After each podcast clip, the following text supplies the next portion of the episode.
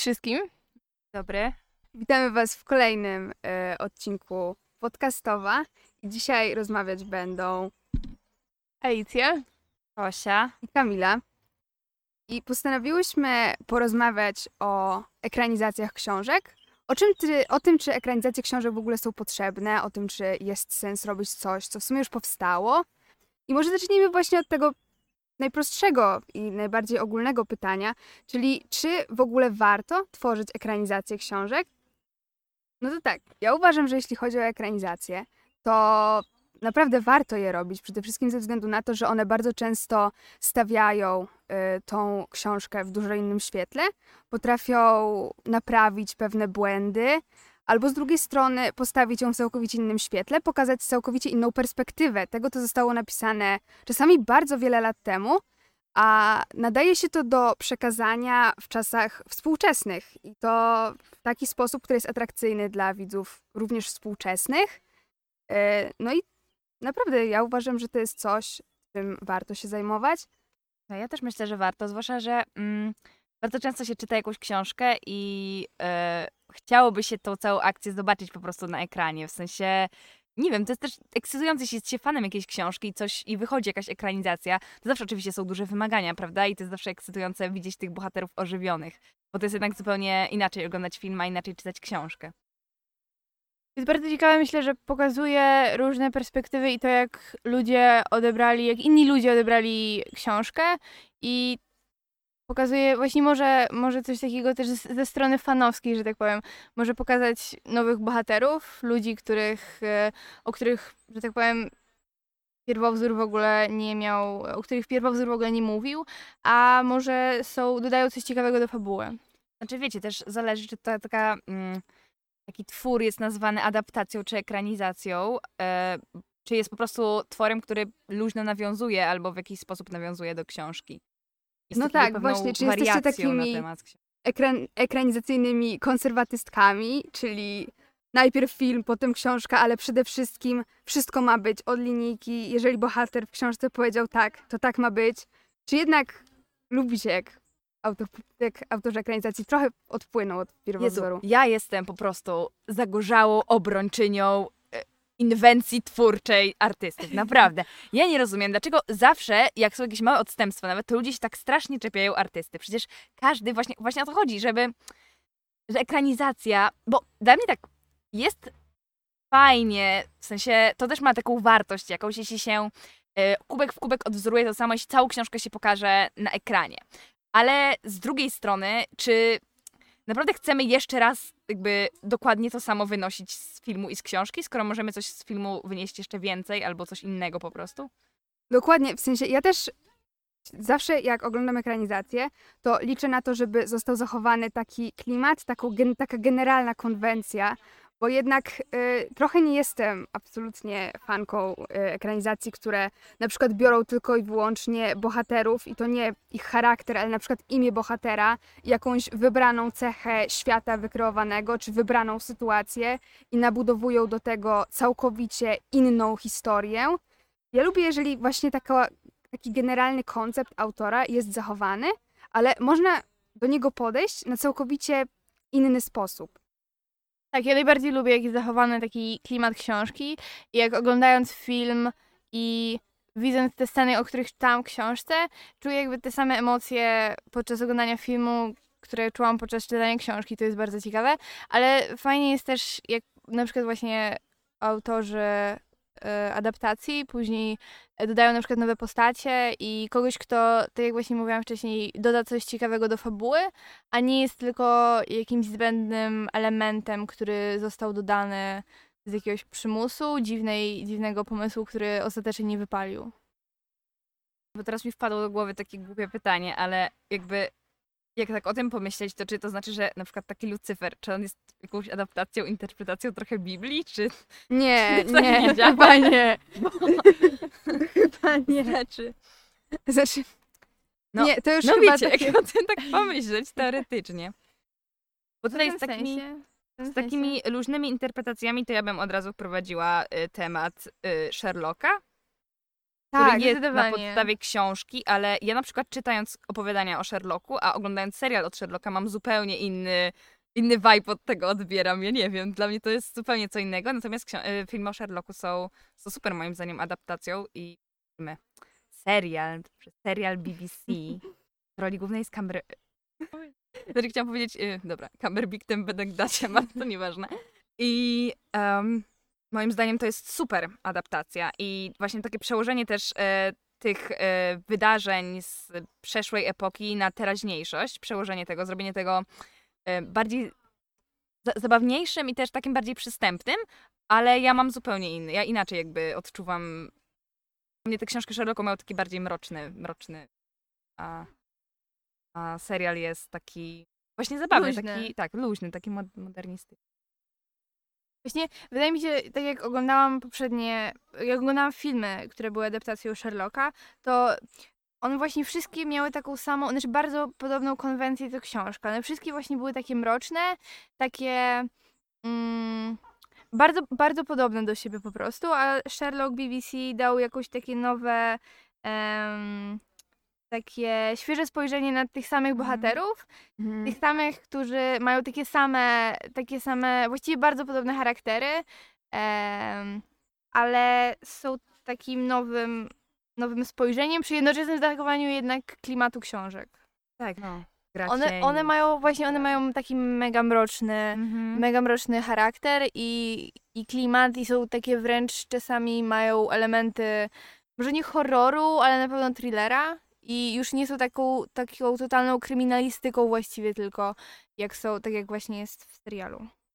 Nie no, w serialu w sumie też, zwłaszcza w tych późniejszych sezonach. Rzeczywiście ten klimat całkowicie tak, powiedziałabym, że się odwraca. rzeczywiście, w późniejszych sezonach tak. No, ale to, Pierwsze są takie to wciąż lekkie. jest śmieszne, w sensie oni tam wciąż y, ro- robią te wszystkie takie żarty, wstawiają te linijki takie, w których Sherlock po prostu, nie wiem, to jest, to, to jest takie łamanie jakby tego, jest takie łamanie w serialu, tej, tej mrocznej jakby atmosfery, natomiast w filmach nie pamiętam, tego chyba nie ma. Zresztą filmy zresztą są gorzej napisane trochę, więc, ale to wiecie, moje, moje osobiste zdanie, prawda, ale... No to a propos nowych postaci i nowych wątków, to dla mnie takim naprawdę zgrabnie poprowadzoną ekranizacją pod tym, pod tym względem jest e, Ania nie Anna, czyli serial na podstawie Ani z Zielonego Wzgórza. Ania z Zielonego Wzgórza w ogóle ma tyle ekranizacji, że mam wrażenie, że każde pokolenie ma swoją Anię.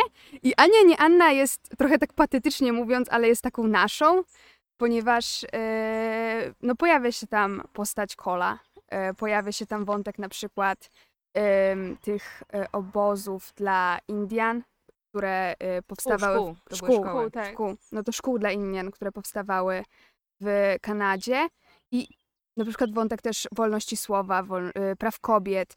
I to jest taka Ania, którą ja chcę oglądać przy jednoczesnym zachowaniu tej Ani, o której czytałam, czyli tej pociesznej, rudej, rezolutnej dziewczynki, ale z drugiej strony to ma też w sobie jakąś inną wartość, tak? To jest taka Ania, która też wchodzi w takie tematy po prostu nam współczesne i dlatego myślę, że bardziej po prostu przemawia do nas. No bo to wszystkie takie problemy, z którymi my się spotykamy. Bardzo podobają mi się adaptacje, które, mm, przy których każdy może odnaleźć coś dla siebie i może odnaleźć jakieś może części siebie w tej głównej bohaterce, która jest teraz taką właśnie Anią na, na miarę naszych czasów, która jest e, feministką, która walczy o wolność słowa i której, e, której najlepszym przyjacielem jest Cole, który też się zmaga z różnymi najróżniejszymi problemami. Więc e, tak, ja się zgadzam z Kamilą. Tutaj y, można tutaj wstrącić dygresję, jak dobrze Amy McNulty odegrała tą rolę, bo Tak, zdecydowanie. absolutnie dziewczyna ma talent taki, że uh, ja mam słów trochę na to. E, natomiast też w tym, tej adaptacji, a propos jeszcze zmian, to przecież też y, mm, jest też wiele postaci, których charakter uległ zmianie w jakiś sposób, albo zostały one bardziej rozwinięte i też na przykład moim zdaniem mm, te koleżanki Ani ze szkoły, one tam zyskują więcej charakteru niż mają w książce nawet. W sensie, ja też nie czytałam dalszych losów Ani, nie? Więc tam nie wiem, czy te postacie byli da- były dalej rozwinięte w tych dalszych książkach, no ale w samej Ani Zielonego Wzgórza to nie było o nich za dużo. W serialu już y, mają trochę więcej. Właśnie mają swoje historie, które też, z którymi też część osób może się właśnie utożsamić i to jest myślę bardzo ciekawe. To tutaj mówiłyśmy o takim yy, właśnie przywiązaniu do tego pierwowzoru, to macie coś takiego, że najpierw musicie przeczytać książkę, a dopiero potem oglądacie film? Ja mam różnie bardzo. Na przykład y, kiedyś to byłam taką zagorzałą przeciwniczką. Na przykład, kurczę, jak Gwiazd naszych wina. Była taka sytuacja, że ja czytałam Gwiazd naszych wina i moje kuzynki to chciały oglądać w tym samym momencie. I byłyśmy jakby u mnie w domu i w ogóle super. I ja mówię, że ja nie będę tego oglądać, bo jeszcze nie skończyłam czytać książki. Ale one siadły i zaczęły to oglądać. I ja byłam taka zdeterminowana, że siedziałam za kanapą przez cały ten film i się z nimi ścigałam, czy ja szybciej przeczytam książkę, czy one obejrzą film. No one wygrały generalnie ze mną wtedy, ale, ale skończyłam potem tą książkę y, i, i płakałyśmy razem już. Tak, u mnie to też bardzo zależy. Nie jestem jakoś bardzo przywiązana do, em, do, do tego, żeby najpierw obejrzeć czy przeczytać pierwowzór. E, to jest. Też właśnie zależy zdecydowanie. Na przykład Wiedźmina, od, znaczy zaczęłam najpierw, obejrzałam serial, a później, a później przeczytałam książkę i wiele rzeczy mi się wyklarowało. E, to jest chyba taka najbardziej popularna, a propos jeszcze Wiedźmina, e, to jest chyba taka najbardziej popularna opinia, jeśli chodzi o serial. Czyli, mm, to, że, że istnieje kilka linii czasowych w Wiedźminie, które. Nie, nie będziemy teraz mówić o Wiedźminie. Za bardzo poleciałam. Możemy. Może? Rozmawiaj po Dobra. prostu, tak? E, wiesz. które. Jest kilka linii czasowych, między nimi jest odległość czasowa mniej więcej 50 lat. Jeśli ktoś nie czytał książek, to y, myślę, że może być mu naprawdę ciężko ogarnąć ten. No praktycznie, że chaos, można to tak nazwać. Więc, więc są rzeczy, które, które najpierw na przykład warto przeczytać opinie, myślę, innych osób, które już i przeczytały książkę i film. I wtedy sugerować się też trochę, trochę jednak opinią innych, czy, czy warto najpierw, najpierw to czy to. Znaczy, ja też staram się cały czas obejrzeć, e, przeczytać najpierw książkę, dopiero potem obejrzeć film, e, bo jakoś tak daje mi to taki pełniejszy obraz. Poza tym mam szansę, żeby wyobrazić sobie najpierw tych bohaterów na swój sposób i dopiero potem zobaczyć ich twarze. Znaczy, zazwyczaj jeżeli powstaje film ja o tym wiem i czytam książkę tylko i wyłącznie po to, żeby potem obejrzeć film, to i tak jestem już obeznana z tymi plakatami, już jednak ten obraz tych aktorów jakoś wryje, y, ryje się w mózg i on tak pozostaje, tak? Ale no nie zmienia to faktu, że jednak ma się takie większe pole do wyobraźni.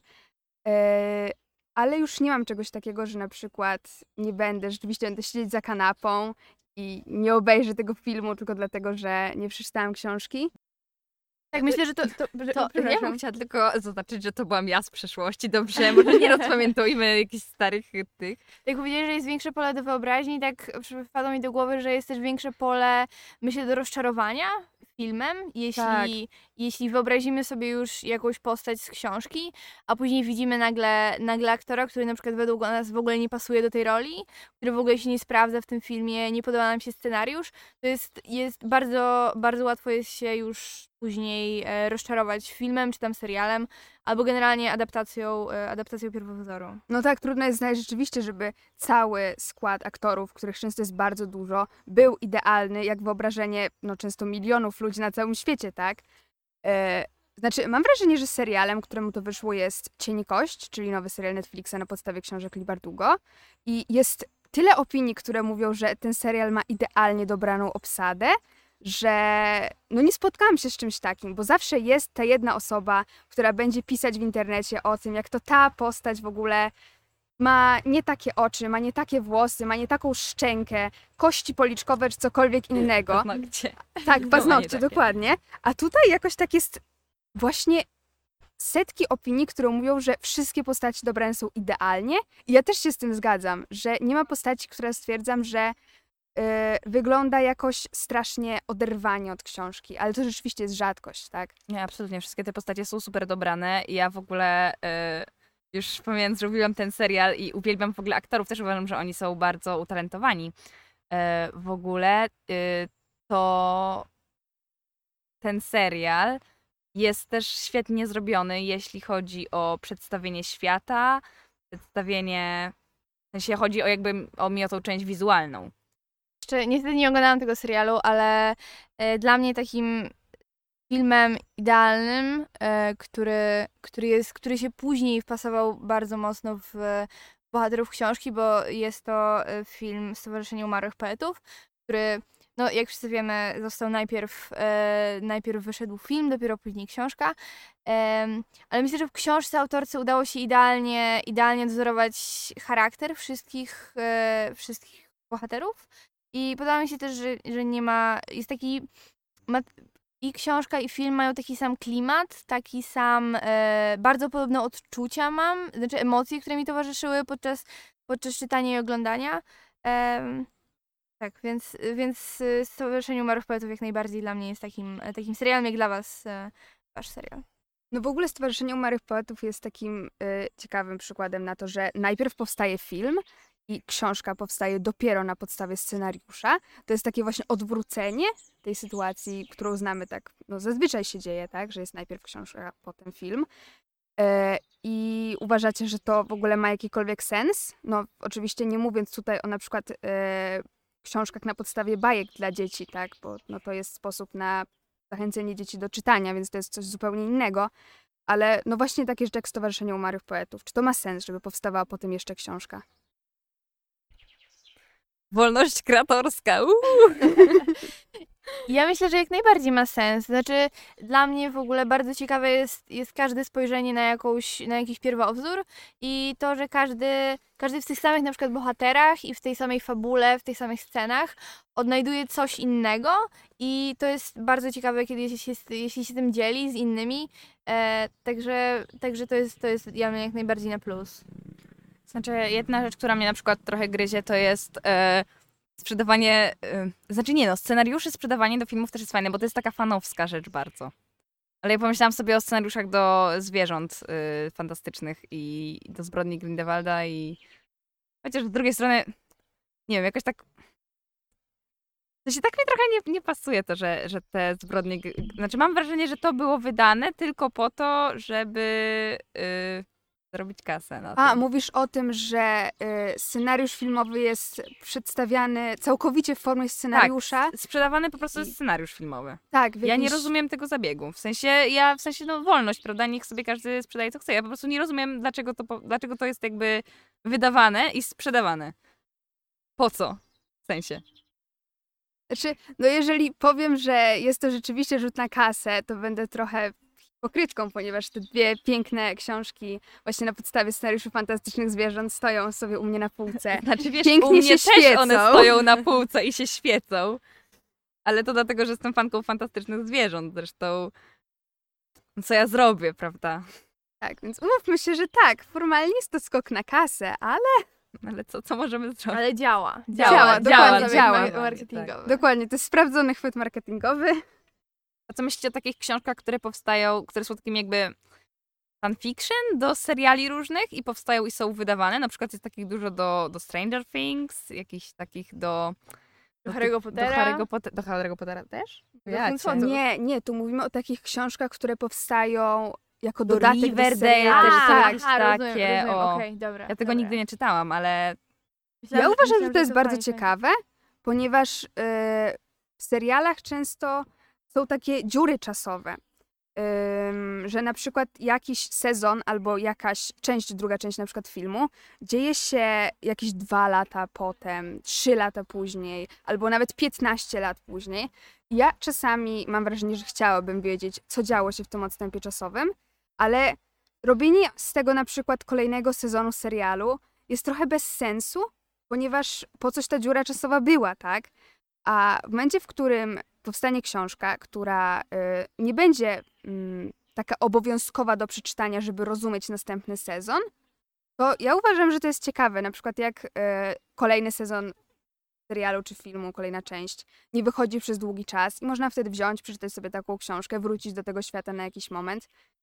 Y, Ja tak bardzo często mam z bohaterami, znaczy postaciami, które są bardzo często postaciami drugoplanowymi, ale mam wrażenie, zac- z, są jakieś początki ich historii pokazane tylko, a bardzo ciekawią mnie ich e, na przykład ich życiorys, ich e, przeżycia, ich em, to, co czują w trakcie tych, tych e, wydarzeń, ponieważ bardzo często pokazuje się tylko tylko em, głównego bohatera, no i jakby na tym, na tym, polega, na tym polegają książki, seriale i filmy, ale y, to jest, myślę, bardzo ciekawe, jeśli się odwołuje właśnie do, do bohaterów, zwłaszcza jeśli na przykład słychać głosy fanów, którzy, którzy mówią, że bardzo chętnie by coś takiego przeczytali.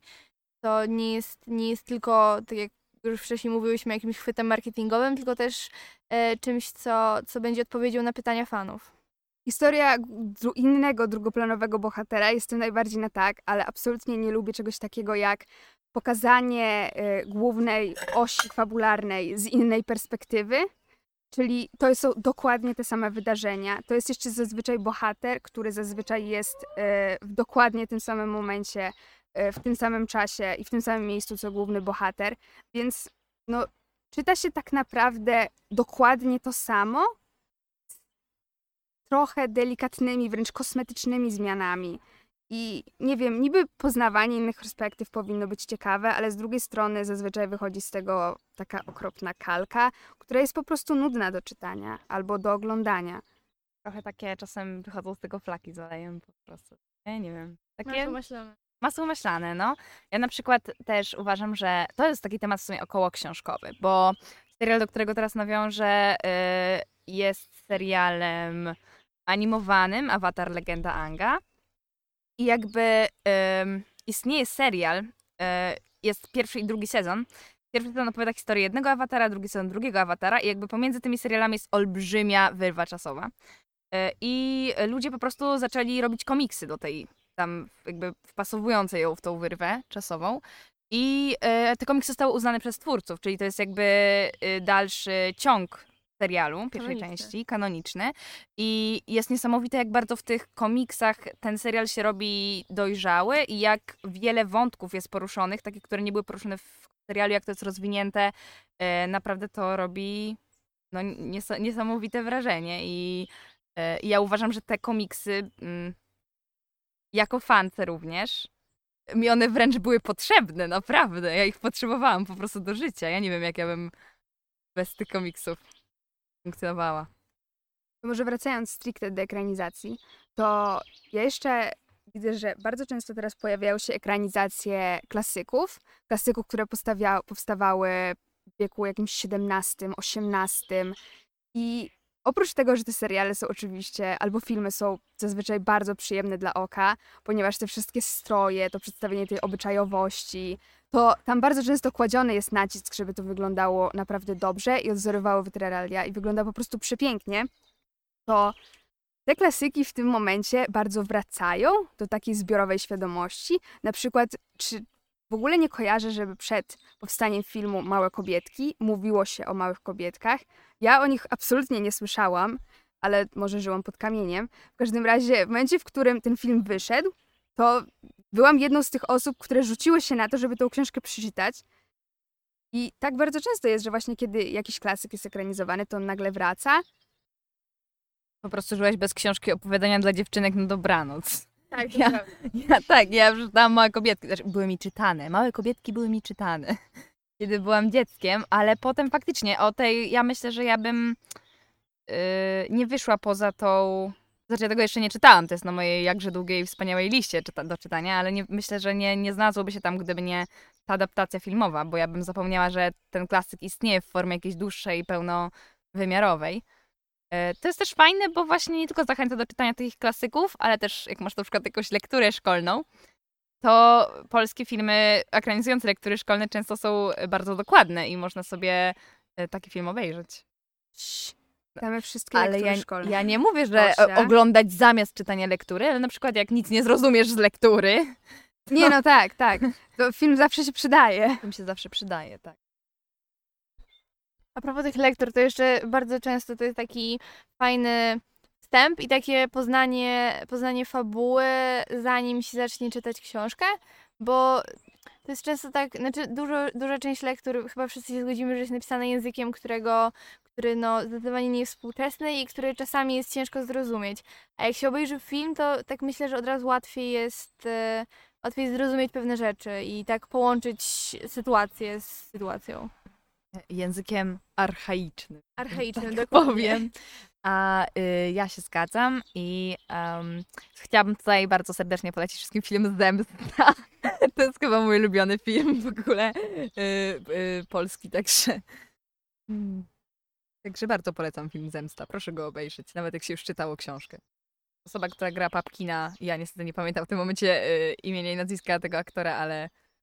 Mua! No to jak już wspomniałaś o tym, że Zemsta jest twoim ulubionym, jednym z ulubionych filmów, to jaka jest twoja ulubiona ekranizacja? Zemsty? Nie Zemsty, w ogóle! Może tak coś było, chyba była tylko jedna ekranizacja Zemsty, z tego co mi się wydaje. Może kiedyś sama zrobię drugą. Ale nie, nie. Mm, ulubiona ekranizacja to jest niezwykle ciężkie pytanie, bo ja mam dużo ulubionych ekranizacji, ale myślę, że w tym momencie, na ten moment, to Cień Kość zdecydowanie jest teraz moją ulubioną ekranizacją.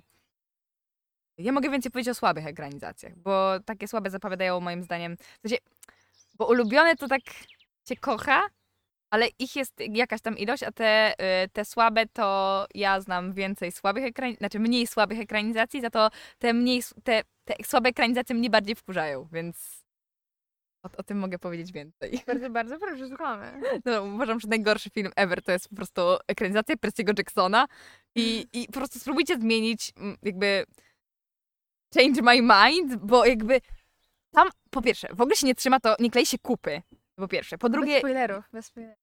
nic nie powiem, ale fabuła jest zmieniona zupełnie.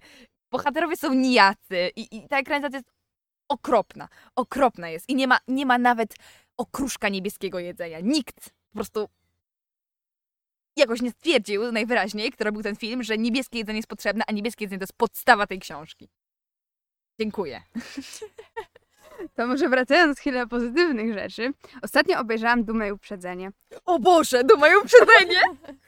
No, dobra, mów, mów, To jest mów. tak cudowna ekranizacja. To jest taka ekranizacja, że w momencie, w którym jest taki ponury, deszczowy dzień, macie milion zadań z matematyki do zrobienia i już macie ich dosyć, macie w ogóle dosyć wszystkiego, to w tym momencie włączacie dumę i uprzedzenie i życie staje się piękne, kolorowe i to jest taki miód na serce. Cudna ekranizacja. Może jest w niektórych momentach bardzo taka infantylna i taka kliszowa, kiczowata, ale kto o to dba? Każdy potrzebuje trochę infantylności w swoim życiu. Tak, mówimy o tej, też. rozumiem, że mówimy o tej ekranizacji z Kierą Knightley, Tak, w tak. roli głównej. E, Pan Darcy jest absolutnie też e, cudowny i, i Kiera też sobie bardzo dobrze radzi. E, ja o Dumie Uprzedzeniu mogę powiedzieć, że faktycznie to jest film, który rozjaśnia duszę. I on nie jest, on nie jest kropka w kropkę e, książką. I nawet ta relacja, moim zdaniem, Elizabeth Pan Darcy też nie jest kropka kropkę w książką, ale jest, e, ma taki swój klimat, taki chyba jeszcze bardziej uroczy i, i w sumie trochę, ale uroczy, uroczy, przeuroczy jest ta, ta. I poza tym są super kostiumy i super muzyka. Tak.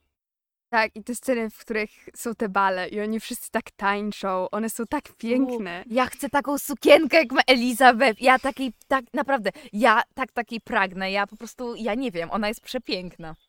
Ja bym w ogóle chciała wyglądać jak Kiera Knightley, bo ona jest tak śliczna, ale to taka dygresja. Kto by nie chciał wyglądać jak Kira Knightley, no przepraszam.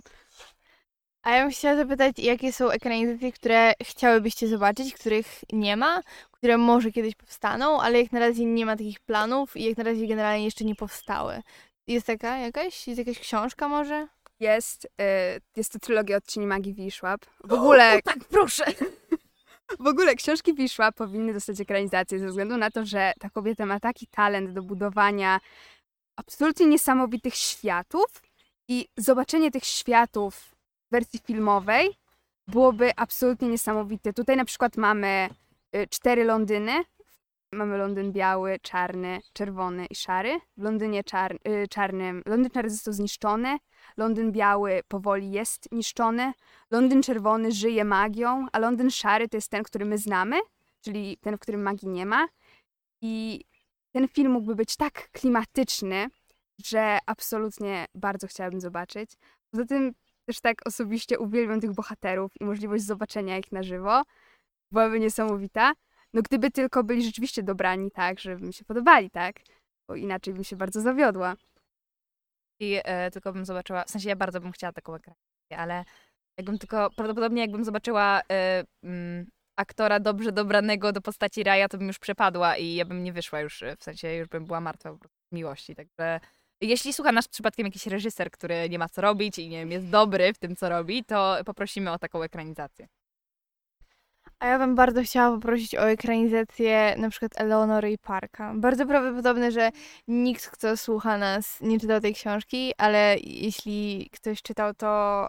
to... Nie czytałam. Czytałaś naprawdę? Tak, czytałam ją. Nikt, z kim rozmawiałam kiedykolwiek, nie czytał nigdy Eleonory i Parka. To jest tak cudowna książka i myślę, że mogłaby mieć naprawdę, naprawdę duży potencjał na bycie romansidłem, ale też nie takim, nie takim um, kiczowatym i gdyby tylko była napisana, w ogóle bardzo podoba mi się jak, jak autorka Rainbow Rowell pisze o em, w ogóle jak ona pisze książki i gdyby tylko e, ktoś pracował, myślę, z nią przy tym filmie i gdyby mógł zrealizować taką jej wizję Eleonory, która na przykład mi bardzo przypadła do gustu, to, ym, to ja bym bardzo chętnie obejrzała. No to był taki przyjemny film do obejrzenia sobie wieczorem z rodziną.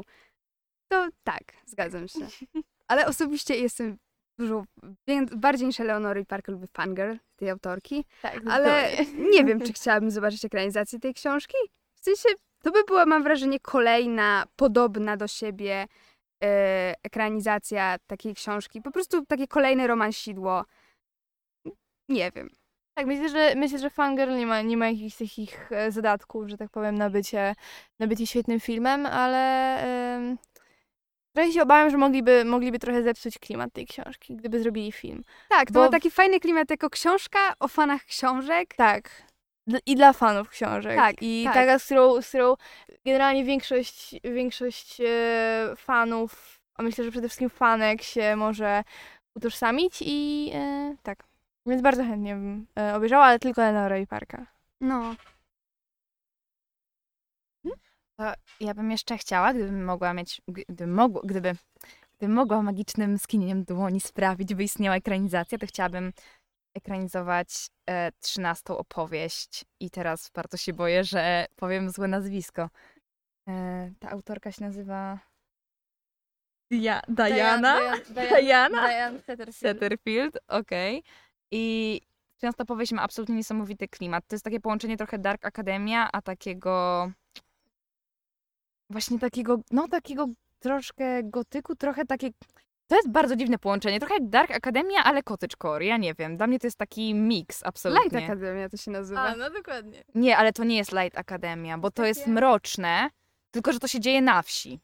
Aha, to nie. Nie wiem, Dark ale po prostu nies- niesamowite to jest i uważam, że absolutnie można by zaszaleć, jeśli chodzi o kostiumy, jeśli chodzi o jakieś easter eggi, jeśli chodzi o, o kolorystykę, jeśli chodzi o też mm, y, bohaterów w zasadzie też. I można by zaszaleć z liniami czasowymi, bo też linie czasowe w tej książce mają, mają znaczenie. To jest generalnie opowieść w opowieści, y, czyli to jest jakby relacja opowieści opowiadanej bohaterce książki. W ogóle Jest- mam jest wrażenie, niesamowita ta że książka. I ja bym bardzo chciała jej ekranizację, e, aczkolwiek trochę by mi było żal. Chciałabym, żeby jakoś w tej organizacji, y, ekranizacji było ujęte, jak ładnie ta książka jest napisana, jak ona jest, jak ona ma barwny język niesamowity. I trochę się boję, że to by, że brak tego języka mogło, mógłby trochę sprawić, że ta ekranizacja by była mniej czarująca, ale w zasadzie bym chciała, żeby taka ekranizacja powstała. w ogóle mam wrażenie, że najlepiej ogląda się ekranizacje właśnie takich klimatycznych książek, które mają sobie coś takiego, że nas do siebie przyciąga. I ekranizacja książki, która jest po prostu jedną z wielu, nie, nie spodoba się aż tak bardzo, ponieważ powstanie dla niej najprawdopodobniej film, który też jest jednym z wielu. A kiedy te książki mają w sobie właśnie taki element jakiegoś klimatu albo tajemniczości, jakąś taką atmosferę do siebie, ciekawych bohaterów, którzy są inni od innych. I wtedy taka ekranizacja broni się też sama jako samodzielny twór, nie tylko jest jako taki dodatek dla fanów książek, ale właśnie jest taką, takim oddzielnym tworem, który y, mogą oglądać ludzie, którzy absolutnie nawet nie wiedzą, że ta książka, że ten film ma swój książkowy pierwowzór. No to tak na zakończenie, taki szybki strzał, czyli jedna ekranizacja, którą poleciały, poleciłybyście obejrzeć każdemu, bez względu na to, czy czytał książkę, czy jej nie czytał. Ania nie Anna albo jeszcze Marsjanin. Ale Ania nie Anna zdecydowany, zdecydowany faworyt. Mm, Ania, nie Anna, tak. Duma i uprzedzenie, absolutnie. E, I ja myślę, że opowieści z Narni. To u mnie to będzie Złodziejka książek No, bo mają uprzedzenie ostatnio. No to tak, to chyba byłoby na tyle. Bardzo dziękujemy tym, którzy dotrwali do końca z nami i mi się bardzo miło z wami nagrywało, więc y, dziękuję bardzo i do usłyszenia. widzimy się w kolejnym odcinku podcastowa. 啊。啊。